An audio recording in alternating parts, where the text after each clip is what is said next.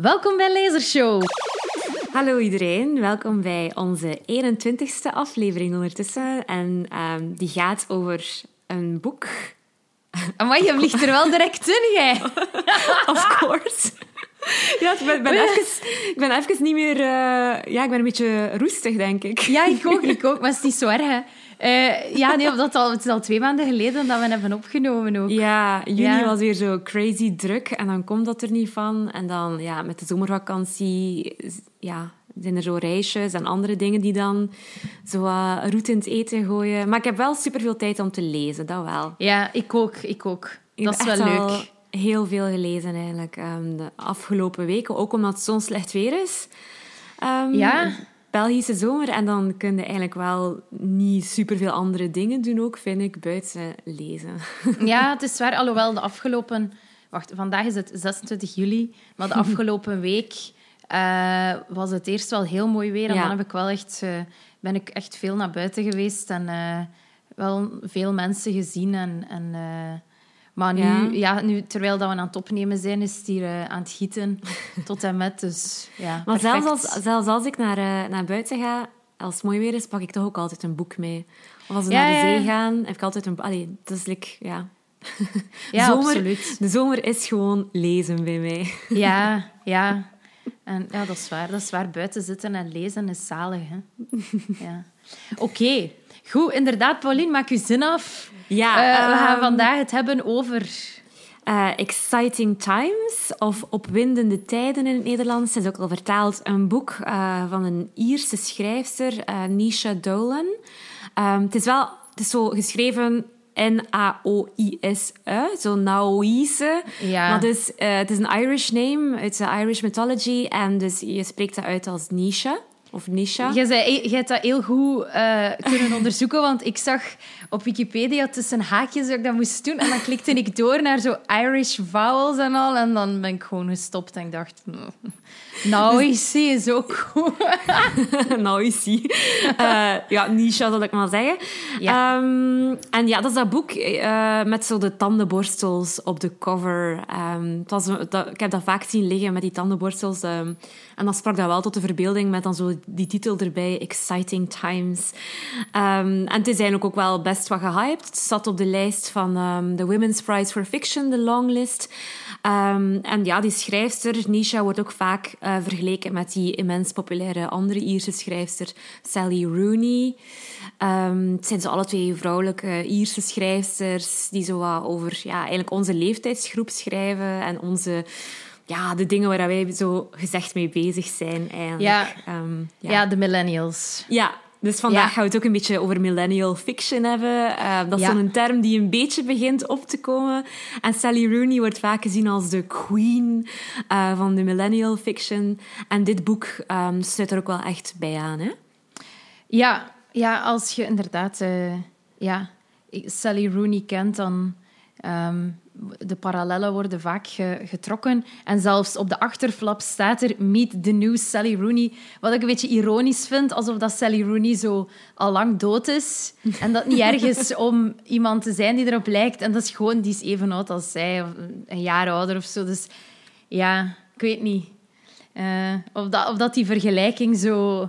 Of dat dat zo heel, heel leuk en fresh klinkt, of dat dat niet gewoon zo wat copycat klinkt. Ja, het is ook gewoon een marketingtruc. Hè. Eh, Sally Rooney heeft echt immens veel boeken verkocht. Ehm, haar twee boeken waren voor mensen die, ehm, die Sally nog niet kennen.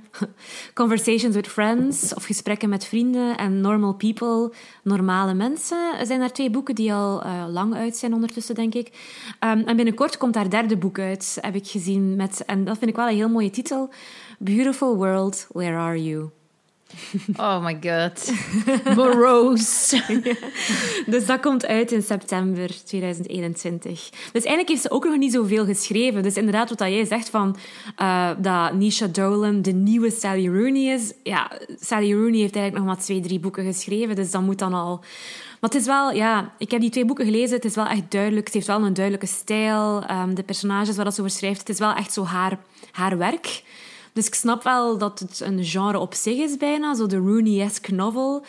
Um, maar het is inderdaad een beetje triestig, dat, ja, omdat je dan altijd van Ierland bent en altijd een jonge vrouwelijke schrijfster, dat je dan direct hup, dat label van Sally Rooney opgeplakt krijgt. Ja, en allebei op Trinity College gezeten. Ook al, ja, Dublin. Uh, ja. ja. Zo, zoals ondergetekende. Ja. op, op Erasmus dan. Laat het maar ja. een keer vallen, ja. ja maar, maar dat is super cool. Ja, dat is cool, ja. Dat is raar, want er waren zelfs ja, om even af te wijden, uh, uit te wijden, zoals dat we altijd doen. Um, ik, uh, er waren zelfs twee plaatsen. En die twee, bij ons aan de UGent, hè, die tweede plaats is gewoon niet ingenomen. Echt? Ja. Oh, ja, dat is raar. Maar zo nu waarschijnlijk, wie weet dat dat nog een invloed heeft, dat die Rooney haar fiction, dat er misschien meer enthousiasme zal zijn, omdat ik denk dat zo Blandijn kinderen dat wel, dat wel lezen of zo. Ja, ja, ja. Ja, dat zal wel. Um, Ah ja, misschien, want, want we zijn nu al meteen bezig over. Rooney en over millennial fiction. Maar ja, misschien kunnen we kort, eens, kort ook schetsen wat dat daar zo gezegd onder valt. Ja. Onder millennial fiction. Um, ja, ik vind, ja, het is, het is zoals dat je zo gezegd, the eh, voice of a generation of zo. De, de, de, de, eh, de vertolking van of de, de stem, spreekbuis. Of de, de spreekbuis, spreekbuizen van een generatie. Um, maar um, ja, dus en de millennials zijn dan mensen die geboren zijn ongeveer, wat is dat, halverwege jaren 80 tot halverwege jaren 90. Ja, officieel dan, is denk ik van 1981 tot 96, zo ja, gezegd. Um, het was onlangs dus ook wij zo... Uh, eigenlijk. Ja, wij, maar ook al zal ik daar straks nog eens een stevige rant over doen, dat ik mij daar totaal niet door aangesproken voel. Um, dat, het ook zo, onlangs was er dan zo'n hele... Um, heisa over geriatric millennials, dat, er, dat de oudere millennials dan ook nog eens in een andere categorie worden opgedeeld. En ja... Ik vind dat sowieso raar, zo die, die, um, die opdelingen. Want wij zijn dan zogezegd de millennials en wij komen dus na de Gen X, de Generation X. En dan de, eigenlijk de, de, um, de generatie na ons is dan de Gen Z, denk ik. Generatie Z. Maar dat is allemaal zo... Uh, ja, ik heb dan zo opgezocht van... Ja, wat is dan nu een millennial? Wat, wat valt daaronder? En dan... Um, gaat eigenlijk over mensen die eigenlijk um, ja, de opkomst van het internet hebben zien gebeuren, meegemaakt hebben. Dus zo eigenlijk al die digitale revoluties, laptops, smartphones, internet, 4G. Um, dat we eigenlijk um, ons de problemen van de wereld wel echt aantrekken dat we minder baby's krijgen dan de vorige uh, generaties. Uh, dat we ook door de economische crisis um, en zo die, weet je wel, die huizenmarkt die dan instorten, dat we daardoor heel onzeker zijn over onze toekomst. En dat we niet echt meer geld investeren in objecten, maar eerder in ervaringen. En dan, het, het pijnlijkste vond ik wel een beetje dat we blijkbaar, zogezegd, bovengemiddeld narcistisch en egoïstisch zijn. ja, en extreem navelstaarderig. Ja. Want dat vind en, ik dan zo... Sorry, wilde nog iets zeggen? Ah nee, ik ging gewoon zeggen zo van dat extreem of bovengemiddeld narcistisch en egoïstisch. Dat vind ik wel een beetje terug in die boeken van Sally Rooney en Nisha Dolan. Een beetje. Ja. uh, ja, en dan vind ik dat eigenlijk een soort, een soort um, hoe moet ik dat zeggen, een contradictie. Dat je zogezegd je de problemen van de wereld aantrekt en tegelijkertijd dan toch zo extreem navelstaarderig bent. Terwijl dat je zou denken dat je daardoor misschien jezelf in een, zou kunnen relativeren. Ja. Maar dat is niet. En dan komt daar ook wel wat commentaar op. Ik had zo een, uh, een stuk gelezen in de New Yorker over um, uh, de self-awareness, dus het zelfbewustzijn in fictie. En daar, die journalisten, die vindt ook dat, dat, um, dat vaak zo die social awareness, of dat sociale bewustzijn, dat dat gewoon een beetje ook een bij Sally Rooney bijvoorbeeld, of ook bij Nisha Dolan, een soort window dressing is. Of een soort, ja, dat dat niet echt diep gaat, maar dat dat gewoon, oh ja, zo... Ik weet niet hoe dat ik het moet uitdrukken, maar dat dat, dat, dat dat niet echt doorgedreven is, waardoor dat, dat fake aanvoelt. En dan zegt ze ook, die journalisten, dat er een soort... Dat, dat het niet is omdat mensen zich bewust zijn van iets dat ze daarom moreel beter zijn dan mensen die zich er niet van bewust zijn als ze er verder niets aan doen om iets te veranderen. Mhm. Dus dat zo personages vaak dan zo zich helemaal bewust zijn van privileges of van oeh, amai, zo racistisch van mij. Of amai, hè, uh, maar dat, dat, die dan, dat dat het eindpunt is terwijl dat, dat een, een startpunt zou moeten zijn om actie te ondernemen. En dat dus in die boeken dat dat gewoon een eindpunt is. Zo van, ah ja, ik ben zo... En ja, oké, en klaar. En, en zelfs dat ze daar zo wat ironisch over durven doen, hè? over ja. zo white privilege en zo, dat ze daar dan zo, uh, ja, ik snap ja. het, ja. Um, dus dat, dat, wat dat dan volledig wel weer past binnen zo dat feit dat je zogezegd social awareness hebt, maar dan, geen, maar dan wel extreem navelstaarder, hè, dan is het een mooie balans, zogezegd. Hè, tussen, je, je, je bekommert je zogezegd om dingen, maar daar houdt, daar het zo wat op. Hè, zo de volgende stap zetten is er niet bij. Ja, en ik vind wel, um, om even terug te komen dan naar het boek van uh, vandaag dat we spreken, van um, Exciting Times of Opwindende Tijden van Nisha Dowlen.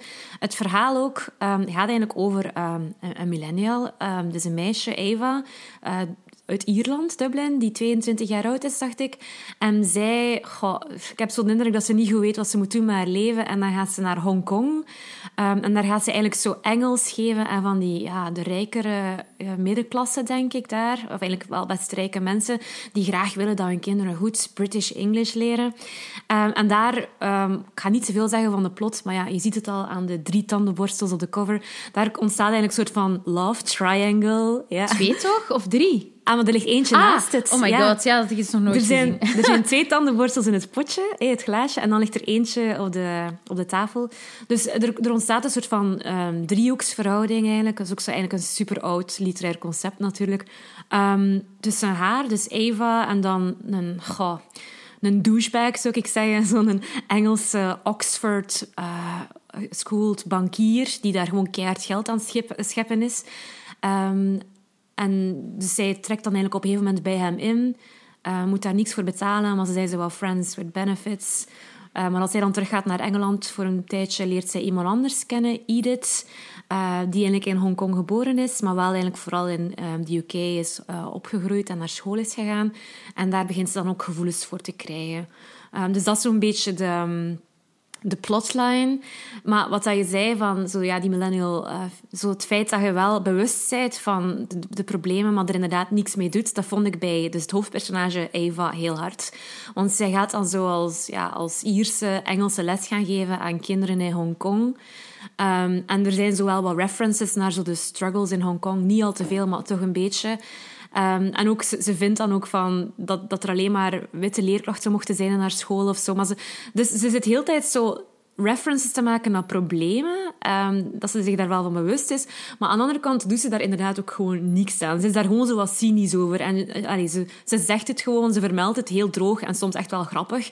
Maar ja, verder dan dat gaat het ook niet. Dus er is wel zo sociale commentaar maar het vervolg blijft uit of zo. En ze blijft ook gewoon heel hard met haarzelf bezig en met haar struggles en met wie dat ze is en haar eigen probleem, allee, haar problematiek als Ierse dan en, en ja, met die Engelse mensen rondom haar. En, dus ja, dat vind ik inderdaad wel interessant dat dat conflict wat je net aanhaalt ook wel echt in, in dit boek zit. Ja, ja, absoluut. Want ik vroeg mij zelfs af. Dus het is, het is uitgekomen in 2021, als ik, als ik me niet vergis. Uh, um, en speelt zich af in 2016, zie ik. Ja, um, dus, want er zijn ook zo references naar Brexit en zo. Hè? En, en ja, zo juist. De, de, referendum. Dus er zit, dat vond ik zo, dat, dat intrigeerde mij wel. Want ze wil constant zo dingen erin steken die wel interessant zouden zijn, maar dat blijft gewoon zo'n opmerking of zo'n side note um, van onze era. Dat ik denk van, dat dat veel toffer kunnen zijn als je dat zo wat meer had ja, uitgewerkt of zo. Ja, ja want, want um, dus, dus het is als je weet hoe dat het nu in Hongkong eraan toe gaat en hoe verschrikkelijk dat, dat is voor die, jonge generatie, hoe dat die worden behandeld nu en dat de democratie volledig aan banden wordt gelegd, dan had ik misschien verwachten dat de schrijfster, aangezien dat ze het afgelopen twee jaar heeft geschreven, daar nog verder in zou gegaan zijn. En een personage dat dan, um, dat dan misschien daarin... Eh, in zit in, die beweging of zo. Maar dat zal dan waarschijnlijk ook weer het hele punt zijn van het boek. Dat dat dan zo een, een laag van de maatschappij is die daar dan niet echt mee bezig is. Of die dan daar, allee, die eigenlijk gewoon kapitalistisch. Uh, al, die kapitalisme als overtuiging heeft, eerder dan een politieke overtuiging. Dat dat misschien ook het hele punt is van dat boek. Maar wat doe je daar dan mee? Dat, zo, dat vind ik dan wel spijtig. Dan, ja, omdat...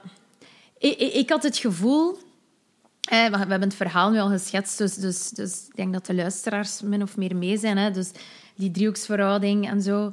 En, en dan op de achterflap staan er ook zoveel raving uh, citaten van The Book of the Summer, Complexities of Young Love. Young Love, ik vond dat niemand daar ooit zegt wat ze denken. Niemand is daar in het reinen met zijn emoties. Iedereen speelt een spelletje met elkaar. Zo, er is een bepaald punt, gelijk gezegd, er wordt zo'n soort driehoeksverhouding. Dus eerst Eva um, heeft dan een soort affaire met die Julian, die een Brit, die gaat dan weg. Ze begint iets met Edith. En dan komt er een punt waarop dat Edith te weten komt dat Julian bestaat. En eh, ze wist dat Julian bestond, maar dat dat iemand is waar dat Eva ook een verhouding mee had. En dan doen die samen uitstapjes. Ja. En dan, iedereen vindt dat oké. En dat zijn precies poppen in een soort statement dat die Nisha Dolan wil maken. En, allee, of een soort... Ja, dat die zo... Gelijk dat je soms zo in, in, in boeken hebt dat, dat zo in vroegere toneelstukken en al er zo vices en virtues waren, hè, dat zo personages dan bepaalde emoties vertolkten of waarden. En soms vond ik zo van, ja, wat, wat wil ze hier nu gewoon haar punt maken en daardoor die personages dingen laten denken en zeggen, waardoor dat, dat veel minder echt begint aan te voelen. Maar wat is haar punt dan volgens jou? Wat is het punt dat ze wil maken dan? Ja, zo van alles is ironie. Ja. En, we hebben, en dat is ook zo wel wat probleem, dat we in een gevangenis van ironie komen, maar ik weiger dat te doen. zo, ja, dat je, wat, dat, wat dat mij dan vooral stoort, is zo, ze voert een gesprek met iemand en heel de tijd is ze aan het analyseren wat dat die andere persoon denkt en wat dat zij zou moeten zeggen. En ik was dan, omdat ik, we waren dan bezig over een ander boek dat daar ook bij past. En dat is The New Me van Halle Butler. Um, ik weet niet of dat, dat in het Nederlands vertaald is, eigenlijk. Weet ik ook niet. Um, wat dat ook over een gelijkaardig personage gaat, weliswaar wat ouder. Ze is een, een jonge vrouw die dertig is en die um, interim-opdrachten doet de hele tijd. En zo de openingsscène van het boek is ook dan dat de, uh, alle collega's, allemaal vrouwen, aan het praten zijn op, tijdens de pauze in een cirkeltje. En zij, de, de vertelster, staat daar dan bij. En is eigenlijk zo uh, de commentaar aan het geven van... Ik heb het hier allemaal door. En alles is vals. En alles is... Ja, zo van... Uh, zo, zo dan, dan, dus die vrouwen zijn zo tegen elkaar aan het babbelen en dan zegt zij zo van... The whole scene is a bitter cliché. The expectations and ego barely hidden behind the flimsy presentation of friendliness. Zo precies of oprechtheid kan niet meer bestaan. Je moet achter alles een soort hardheid, een soort dubbele bodem zoeken.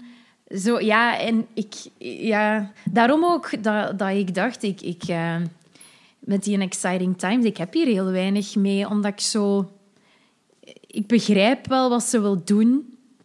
En ik begrijp ook hè, hoe dat onze generatie is en kan zijn. Maar dat dit boek levert eigenlijk heel matig, een matig verhaal op en matige inzichten. Ja, maar ik denk... En, en, sorry, zeg maar. Nee, zeg jij maar. maar. Ah ja, gewoon zo. Ik stuurde naar u dat één iemand op, op uh, Goodreads zei van The Times were not exciting en dat dat de review was. En ik kon mij daar eigenlijk in vinden. Maar ik denk, ja, um, de titel is ook gewoon compleet ironisch. Hè? Dat is niet exciting. Hè? Bedoel, ja. ja. En ook, ja, heel dat personage is gewoon ja, dus het hoofdpersonage Eva is gewoon ja, ironisch en, en heel hard. En, en zo die hardheid, en je zegt, ook naar haarzelf toe. Um, en op zich vind ik dat meestal wel intrigerend als er zo vrouwelijke personages zo, die een soort attitude hebben. Meestal zijn dat wel boeken dat ik graag lees. Um, ik denk, als je dan zo teruggaat helemaal naar bijvoorbeeld uh, Sylvia Plath, The Bell Jar, met Esther Greenwood. Dat is eigenlijk het eerste personage waar je zo'n vrouw hebt die echt zo cynisch kijkt naar de mensen rondom haar in New York. En zo. Allee, dus dat is denk ik zo het, het prototype. En dan zie je inderdaad dat dat nu meer en meer wordt uitgewerkt en terugkomt in, in die millennial fiction. Uh, inderdaad, hier in Exciting Times, maar ook in The New Me. En ook in um, een ander boek dat vaak zo wordt genoemd met Rooney en millennial fiction in één adem. Uh, My Year of Rest and Relaxation. Mijn jaar van rust en kalmte bij, door um, Otessa Moshfegh. Ik weet niet of ik het juist uitspreek. Ja, ik denk het, ja. Ja, dus dat is in 2018 verschenen. En daar heb je ook zo'n vrouwelijk personage dat de wereld beu is. Dat zich opsluit in haar kamer en slaappillen neemt. En ze wil gewoon slapen. Ze wil gewoon door alles heen slapen. Dus dat is echt zo het cynisme en het nee gewoon tot in het extreme doorgevoerd eigenlijk. Um, dus ik denk zo, dat soort personage... Um, dat je ook in Sally Rooney vindt, bijvoorbeeld Marianne in uh, Normal People... Uh, dat is wel iets dat inderdaad in die millennial fiction blijkbaar um, scoort, of dat, dat vaak terugkomt, uh, eigenlijk. Um, ja. Ja. um, ja ik, had ook wel wat zo kritische reviews gelezen over wat je net zei, van het feit van waarom is dit boek in Hongkong ge, geplaatst. Want mm -hmm. je, doet, je doet daar eigenlijk niks mee. Dit had evengoed Singapore of zelfs Italië kunnen zijn. Um, of waarom... ene, enige andere grootstad. Ja. ja. Ja, en dat er zelfs...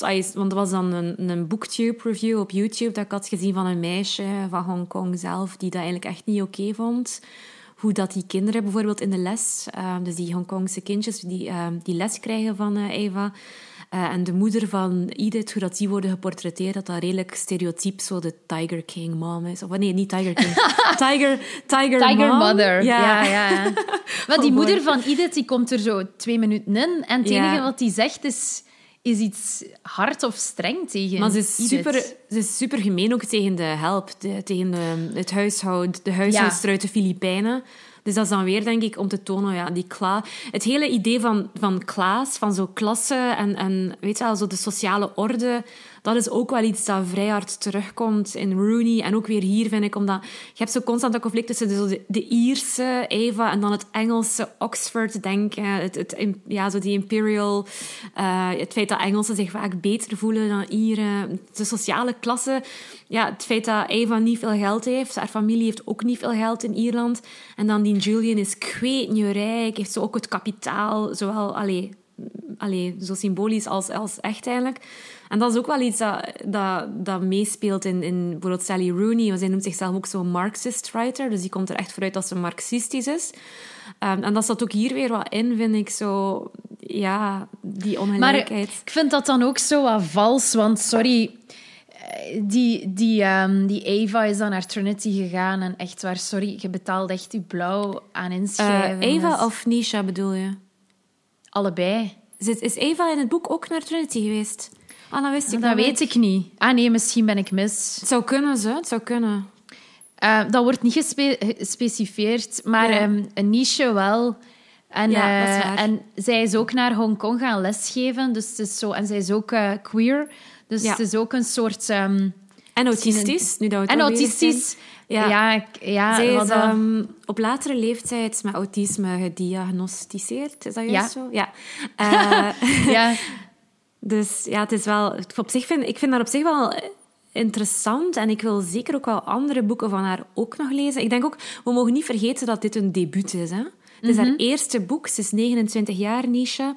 Dus ik denk, ik, ik, ik zie wel ergens zo wat potentieel, ook in de manier waarop ze schrijft. Het is wel zo wat, ja, spitsvondig en zo. Dus ik denk, allee, als ze nog een boek schrijft, ga ik het wel zeker ook lezen, hoor.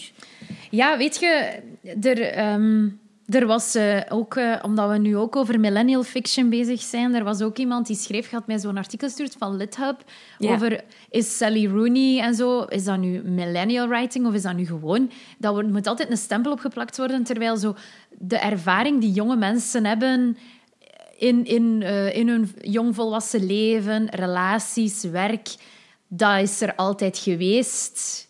En dat, dat hoeft niet per se een, een stempel opgeplakt te worden, zoals dat in het verleden ook niet gebeurde.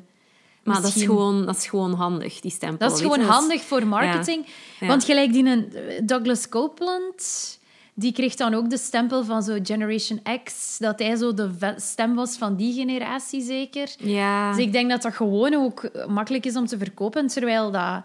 Ja, zo bijvoorbeeld um, dat boek um, van uh, Writers and Lovers van Lily King, um, dat had ik uh, een paar maanden geleden gelezen. Dat gaat dan over een jonge vrouw van 31 die ook ja, alleen is. En ze probeert dan om, om haar, haar schrijfcarrière op gang te brengen. En terwijl werkt ze in de horeca. En dan speelt zich dat af begin jaren negentig. Dus waardoor dat, dat dan niet als millennial fiction of zo wordt gezien. Of ook, ja, die schrijfster Lily King is een stukje ouder. Terwijl dat ik mij, eerlijk gezegd, ook al speelde zich dat in een ander tijdperk af, ik kon mij veel meer vinden in, in dat personage, omdat hij ook mijn leeftijdsgenote was. Maar dat was geen millennial. Hè, die, dus die was 31 in de jaren 90, maar daar voelde ik veel meer zo dezelfde soort van gedachten en zo. Ja, dat was gewoon een jonge vrouw. Terwijl hier, dit is zogezegd millennial fiction, maar dat personage is 22. Ja. En zo, ja, waardoor dat, de echte millennials, die zijn toch geen 22 nu? Die zijn, die zijn al ouder, dus dan moet je zogezegd je daarmee identificeren, terwijl dat, dat iets is van tien jaar geleden of zo. Ja. En zeker de millennials, de echte geriatrische millennials, die zijn nu 40. Wat hebben die nog met dit boek? Ja, ik, ik, dat was de vraag die ik mezelf ook wel stelde. Wat heb ik met, niet met dat boek, want dat intrigeerde mij ergens wel een beetje, maar vooral met die personages. Ehm, ik, ik miste zo mijn connectie met de personages. Ik vond eigenlijk niemand tof. Van die drie, van die drie mensen vond ik Edith dan misschien nog de sympathiekste. Ja. Maar ik had niet echt een band met... En ik verstond ook hun keuzes niet. Ik, vond, ik verstond hun gedrag niet. Ik verstond hun ehm, emoties niet zo goed van waarom dat ze dingen deden. Maar ik heb dat ook met Sally Rooney. Als ik zo Normal People lees, ehm, dan heb je dat verhaal van Marion en Connor. En dat zijn ook eigenlijk jonge mensen die opgroeien ehm, in Ierland. En ook, ik versta hun niet, hoe dat ze zich gedragen tegenover elkaar. En de, de, de dingen die ze doen, ja, dat is zoiets dat, dat ook terugkomt als ik Sally Rooney ehm, lees. Want hier vond ik, ik vond... ehm, Eva, de hoofdpersonage, vond ik wel grappig en zo. En ik vond die wel Ja. spitsvondig en ik moest soms wel een keer lachen. Ehm, ook omdat ze die hardheid en die ironie ook op zichzelf toepast. Maar ja, ergens bleef ik ook zo wat op mijn honger zitten. en, en was er niet echt een connectie tussen mij en die, die... En wat ik ook gewoon heel erg vind, maar dat is dan gewoon persoonlijk, denk ik, mijn... ehm, hoe zeg je dat? Mijn, mijn issue misschien, is dat die Eva dan zo les gaat geven, maar eigenlijk totaal... Eén, die weet niet wat dat ze aan het doen is. Twee, die heeft totaal geen interesse of engagement voor die job. En die is gewoon echt... Allez, sorry to say, het was echt gewoon een slechte leerkracht. Die kent niet eens de namen van die kinderen. Um, allez, ze heeft die gelijk een jaar lesgegeven of zo. En dan op het einde, als ze dan, als ze dan stopt, krijgt ze zo cadeautjes van die kinderen en van die ouders. En dan, dan zegt ze zo van... Um, Many students brought me cards, including the ones whose names I forgot. Allee, sorry, je, je, je zit daar een jaar les te geven en dan doe je niet eens de moeite om die kinderen hun namen te kennen. Ja. Allee, dat vind ik echt wel gewoon... Maar dat is ook wel, denk ik, dat is ook weer deel van, van die schrijfster, haar punt van zo detachment. Denkt je dat niet? Ja, maar juist dat is dan misschien het issue waar wij ons niet in kunnen vinden. In heel die detachment eh, mode. Zodat, of, Ja, maar echt man, smijt u. Er is zoveel, we- ja, er is zoveel waar dat je kunt echt omgeven en waar dat je dan ook iets mee kunt doen. En ik wil nu niet zo op een moral, moral high horse kruipen en zo Go van- for it. Nee, maar zo van, van maar zo soms, da- dan denk ik, allez, zo bijvoorbeeld als ik denk aan mijn cursisten in de klas, die zo dan van alle ehm, conflicten zijn ontvlucht en die, die zitten zo niet naar hun eigen zo te... Die, die- dat is gewoon, dan denk ik, stop ermee. Doe een keer wat vrijwilligerswerk. Maar ja, Zijn een keer bezorgd om, om, om iemand anders. Help een keer iemand. Zodat je je hoofd uit je stoem gat kunt trekken. en dat je dan misschien stopt met zo te malen. ja. Ja, ja, aan de ene kant aan malen is wel iets dat ik wel heel hard herken. En Ja, ik alles- ook, hè. Over alles nadenken en zo. Maar ja, Ja, hier... absoluut. Maar ik wil mij daar zo niet... Ik weiger om... Ja, zo misschien zoals dat, dat dan... Hè, daar stond in het artikel van... Ik weiger om dat zo als een eindpunt te zien. Ik wil niet dan gewoon denken... Ah ja, huh, en dat, ah ja, alles is relatief en al... huh. Maar zo eerder van... Ja, misschien, misschien is er wel iets dat kan doen. Of misschien gewoon al door proberen een goede persoon te zijn of een goede vriend te zijn voor iemand anders, dat dat misschien al een verschil kan maken. En zo oprecht te zijn, dat dat echt Ja. al een verschil kan maken in plaats van ik, ik doorzie de sociale situatie. Maar ik denk, ja, ik denk, ja, dat is ook wel wat ik. Ik denk bij die Eva is dat ook gewoon het feit dat hij helemaal niet gelukkig is met, met haarzelf, denk ik. En met haar zelfbeeld. Ook, ook haar, ik vind eigenlijk haar relatie met die, met die man in wie's appartement dat ze dan gaan wonen. En ze laat zich eigenlijk door hem onderhouden. In de ruil voor seks eigenlijk. dat is nu heel cru gezegd, maar eigenlijk komt het daar wel een beetje op, op mhm. neer. She's a kept woman. Um, maar ja, eigenlijk wel. Hè. Bedoel, dat is eigenlijk een heel 19e eeuws concept. In zo, Van die 19e eeuws romans lees je dat soms dat een man dan zo een huis huurt voor zijn minnares buiten de stad, waar dat hij haar dan gaat bezoeken. En, allee, ja. en op zich, ik vind wel, naarmate het boek vordert, krijg je meer inzicht in die Julian. Dan is hij niet helemaal de douchebag dat je dacht dat zij was. Maar hij blijft wel altijd een beetje een douchebag, maar toch een beetje minder dan dat je eerst dacht. Maar um, ik vind, naar het einde van het boek was er zo um, een, een, een een fragmentje waar ze eigenlijk over haarzelf praat. En dan vergelijkt hij zichzelf echt gewoon met een kakkerlak. Uh, want ze praat dan zo eh, dat ze misschien terug gaan moeten naar haar oude Airbnb-flat, mm. waar dat ze woonde voordat ze Julian leerde kennen. En allee, dat ze daar echt niet naar terug wil. En dan zegt ze zo... Um, wacht, ik zal het een keer voorlezen. Um, I had felt different away from the cockroaches, but I saw now we had plenty in common. Insects, climbers, cold inside. We thrived in hostile settings. There were places we did better, but nowhere could kill us. I hated them not because they were contaminants, but because they weren't. Ja. Dus ja, ze zegt hier eigenlijk ja, dat ze eigenlijk zichzelf vergelijkt met, met een kakkerlak, uh, een, een, insect, een, een, social climber, iemand die naar omhoog probeert te geraken, um, iemand die gewoon koud van binnen is, of ja, om jouw woord van net te gebruiken, detached. Um, en, en dat eigenlijk ziet ze zichzelf als een, als een vorm van ongedierte dat het juist goed doet in situaties waar wij ons niet zouden willen in bevinden.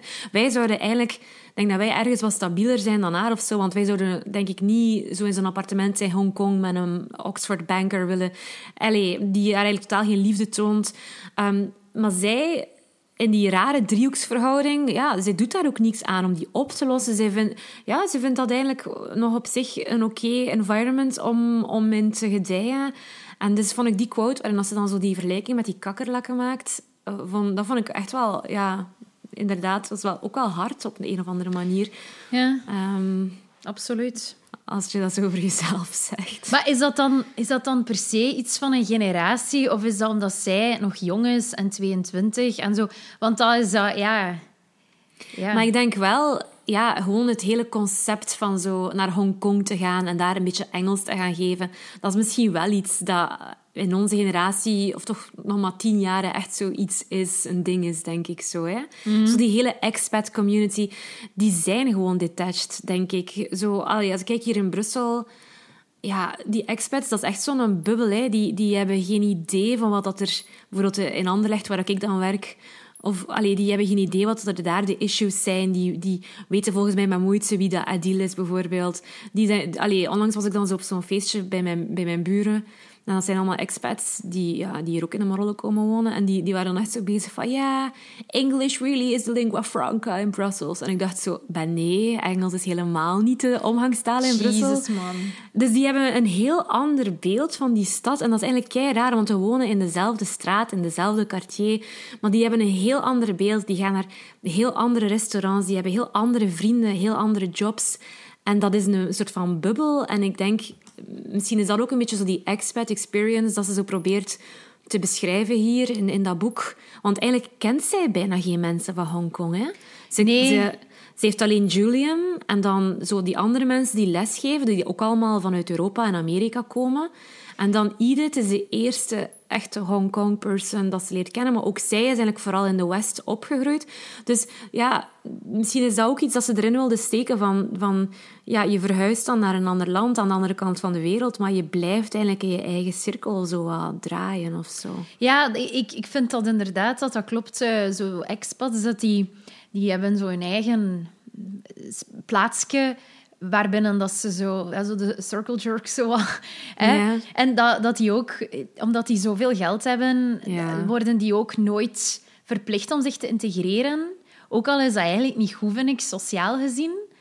Maar zo omdat die dan volledig zelf... Hè, die zijn zelf bedruipen. Of die zijn, hè, dus er is niemand die hen gaat uh, verplichten om Nederlands te leren of zo. Omdat die gewoon, ja die zogezegd uh, geen, geen kosten aan de samenleving uh, ja. op, allee, die, die kosten niks aan de samenleving. Hè.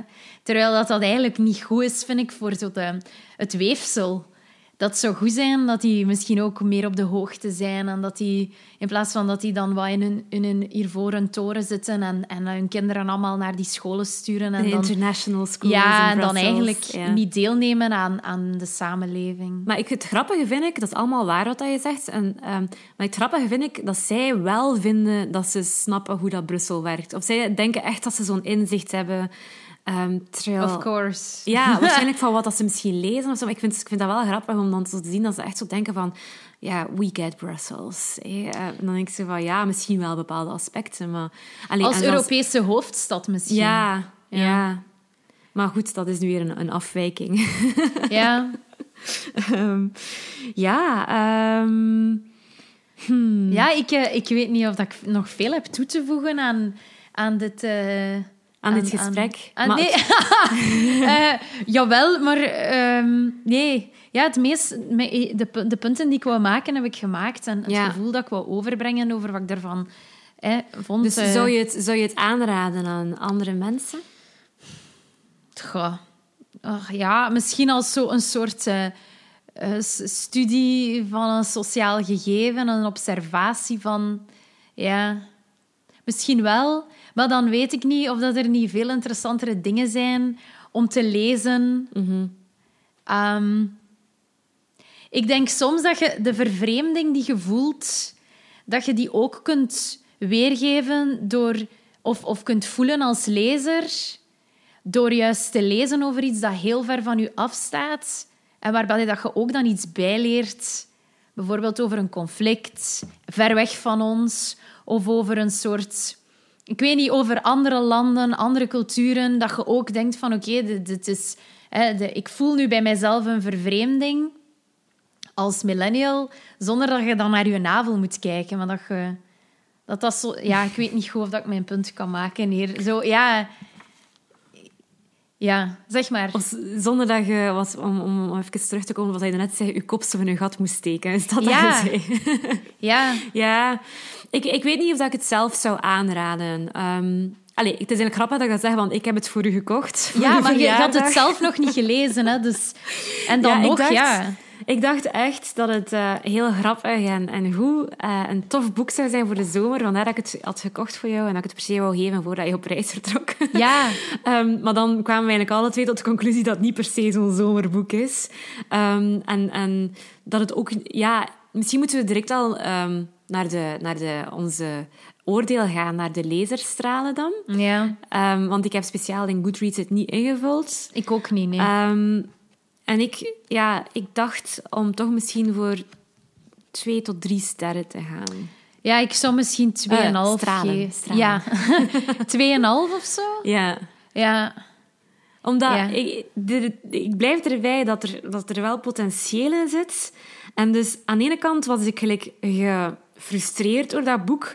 En wilde ik die personages, en vooral dan Eva, eigenlijk echt zo schudden door elkaar. Van, allee, doe iets aan die situatie waarin dat je zit, want je bent niet gelukkig en je gaat er ook niet gelukkig van worden.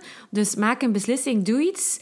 Dus ik, had wel frustratie, maar tegelijkertijd heb ik er ook ergens wel van genoten. Ik heb nooit gedacht van, ik ga dat boek stoppen met lezen of het boeit mij niet. Ik was wel, allee, het, het, het kabbelt zowel, het leest vlot, ik las zowel zo verder.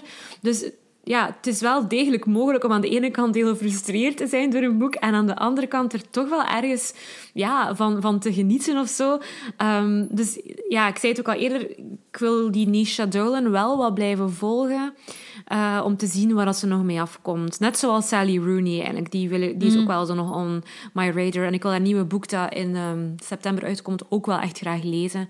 En Nisha Dolan is blijkbaar al aan twee nieuwe boeken bezig. Mm. Um, want ik heb gisteren een interview bekeken met haar. Dus allee, ik, ga die, ik wil die wel zo wel volgen. Ook gewoon omdat ik dat wel tof vind. Zo, uh, vrouwelijke schrijfsters die echt wel... Ja, ik denk wel, ze hebben, allez, ze hebben wel echt iets te zeggen over onze generatie. Of dat we het mee eens zijn of niet, dat is nog iets anders. Maar ik vind het wel interessant wat dat ze zeggen.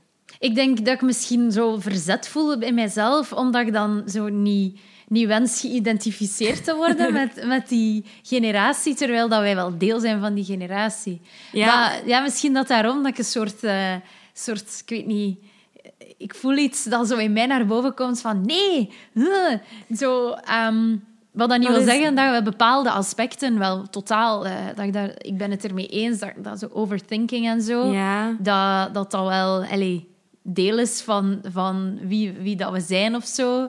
En ja, Je hebt natuurlijk zo het cliché van, van onze generatie, van die millennials, dat je zo heel veel artikels, zo op BuzzFeed en al, echt zo allemaal breed uitgesmeerd worden van avocado toast bestellen, maar je huis niet kunnen afbetalen.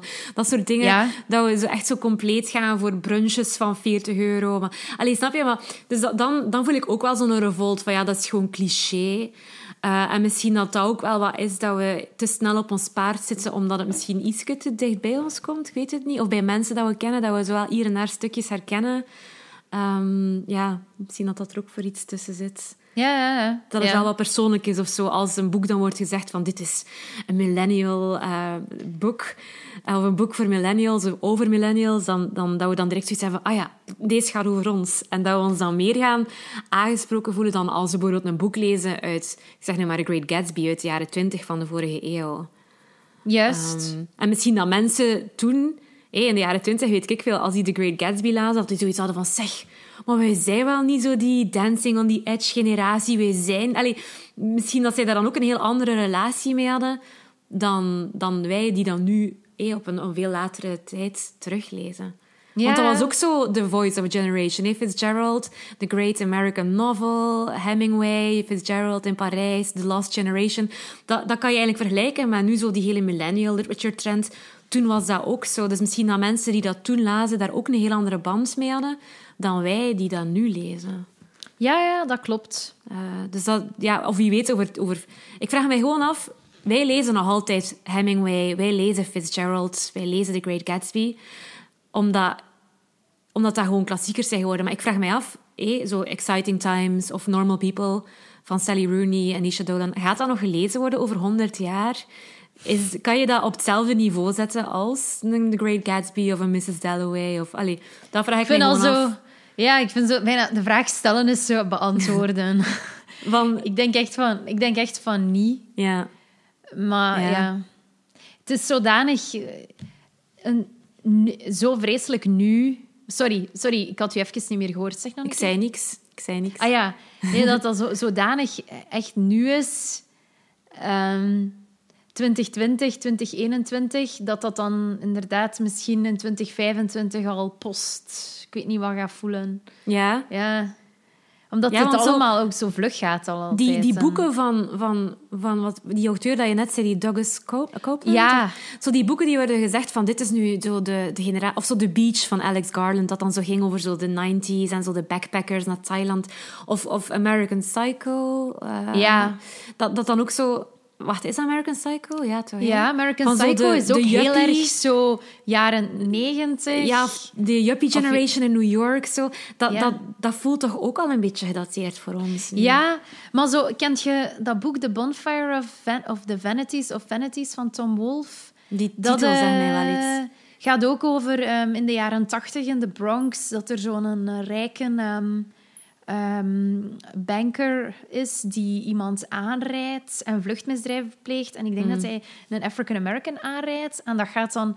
eh, Dat, daarin voelde ik enorm ook zo de tijdsgeest van ehm, het New York van toen. Dat er veel criminaliteit was en dat die wijken zo in, vol spanning waren en dat mensen in bepaalde wijken niet durfden komen. Of dat, en, en, en dan vond ik dat, dat dat dieper ging, omdat dat ook zo sociaal ingebed was. Als je dat boek leest, dan is het echt een heel goed boek. Het gaat Ja. dan over die rechtszaak en zo.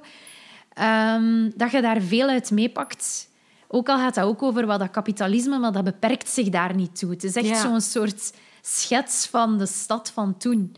En dat is misschien het verschil met dan wel, Exciting Times, dat je zo niet voelt van dit is eh, ook ingebed in zo de sociale... ehm, vraagstukken of zo. Ja, ik vind, er zitten zoveel dingen in, maar niks wordt uitgewerkt. Want je, Ja. je, je zou echt zo die, die, die driehoeksverhouding, je zou daar meer over zo het morele... Maar ook hier, she doesn't judge. Ze neemt zo niet echt een standpunt in. Of, we, allee, het is zo ook dan die hele expat-setting, daar wordt niet echt iets mee gedaan. De social criticism over eh, witte mensen die Engels, British English dan nog moeten gaan geven in Azië. Dat, dat wordt allemaal wel zo aangetikt. En, en de brexit en al. eh, maar er wordt, er wordt niet iets mee gedaan. Of er wordt niet een... Ja, ehm, niet, niet, niet meer mee gedaan dan ook maar gewoon het aantikken en het vermelden van ah ja, het zit erin of zo.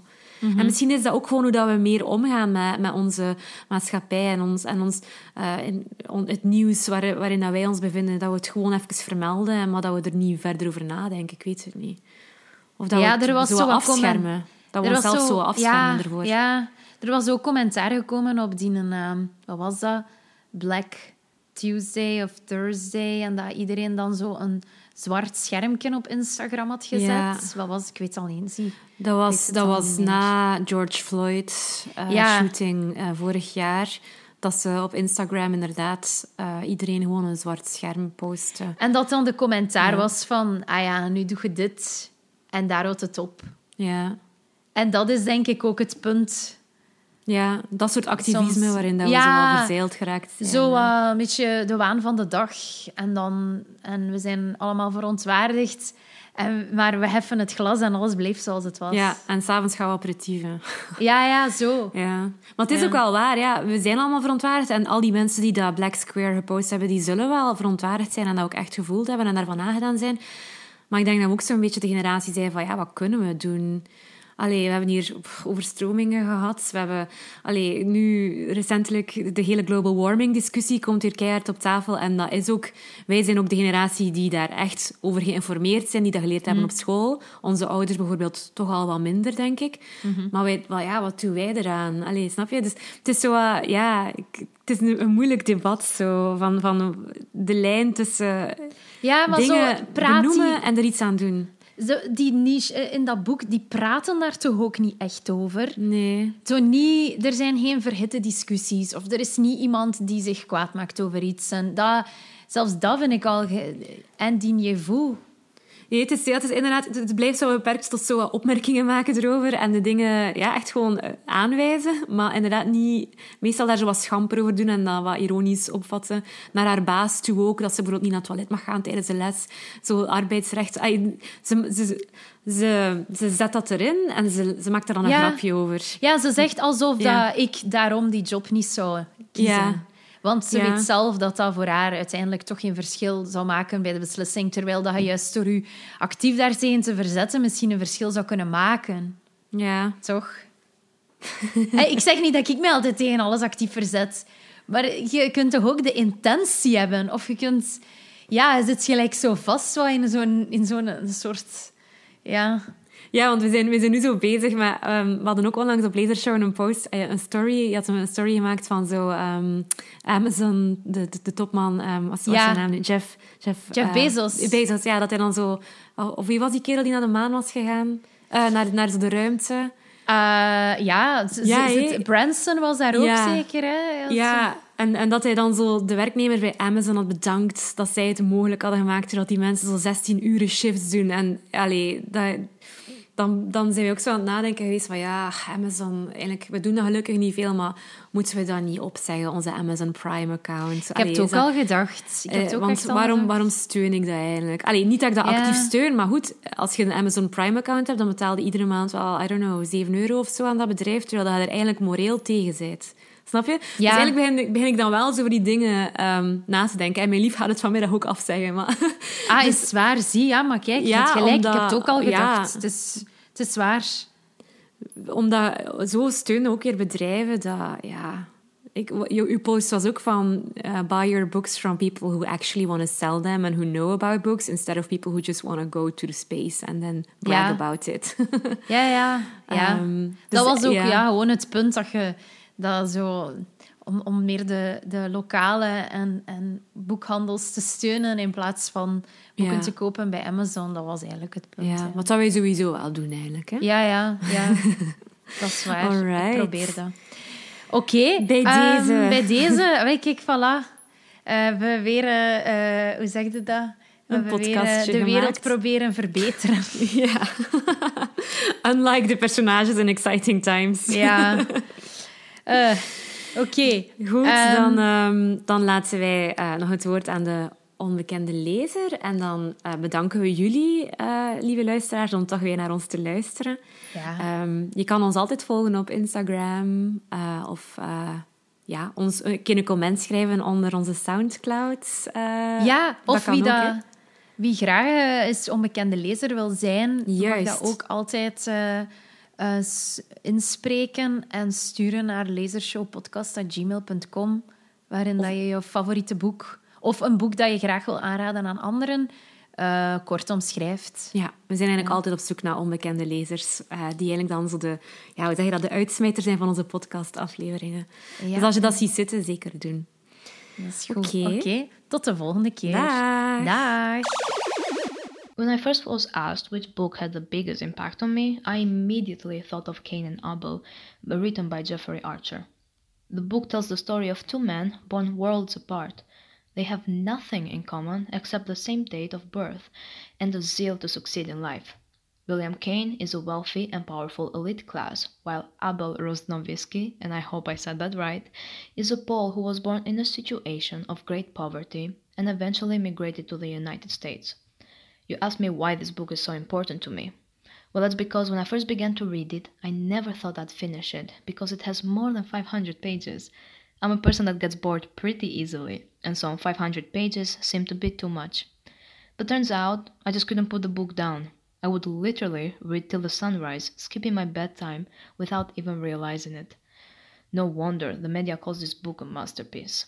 I've read tons of books before this that I couldn't put down, even finished some in a day or two, but this one really spoke to me in a deeper level. I felt connected to Abel, as a refugee myself, this book showed me that anyone can succeed in life if they work hard enough.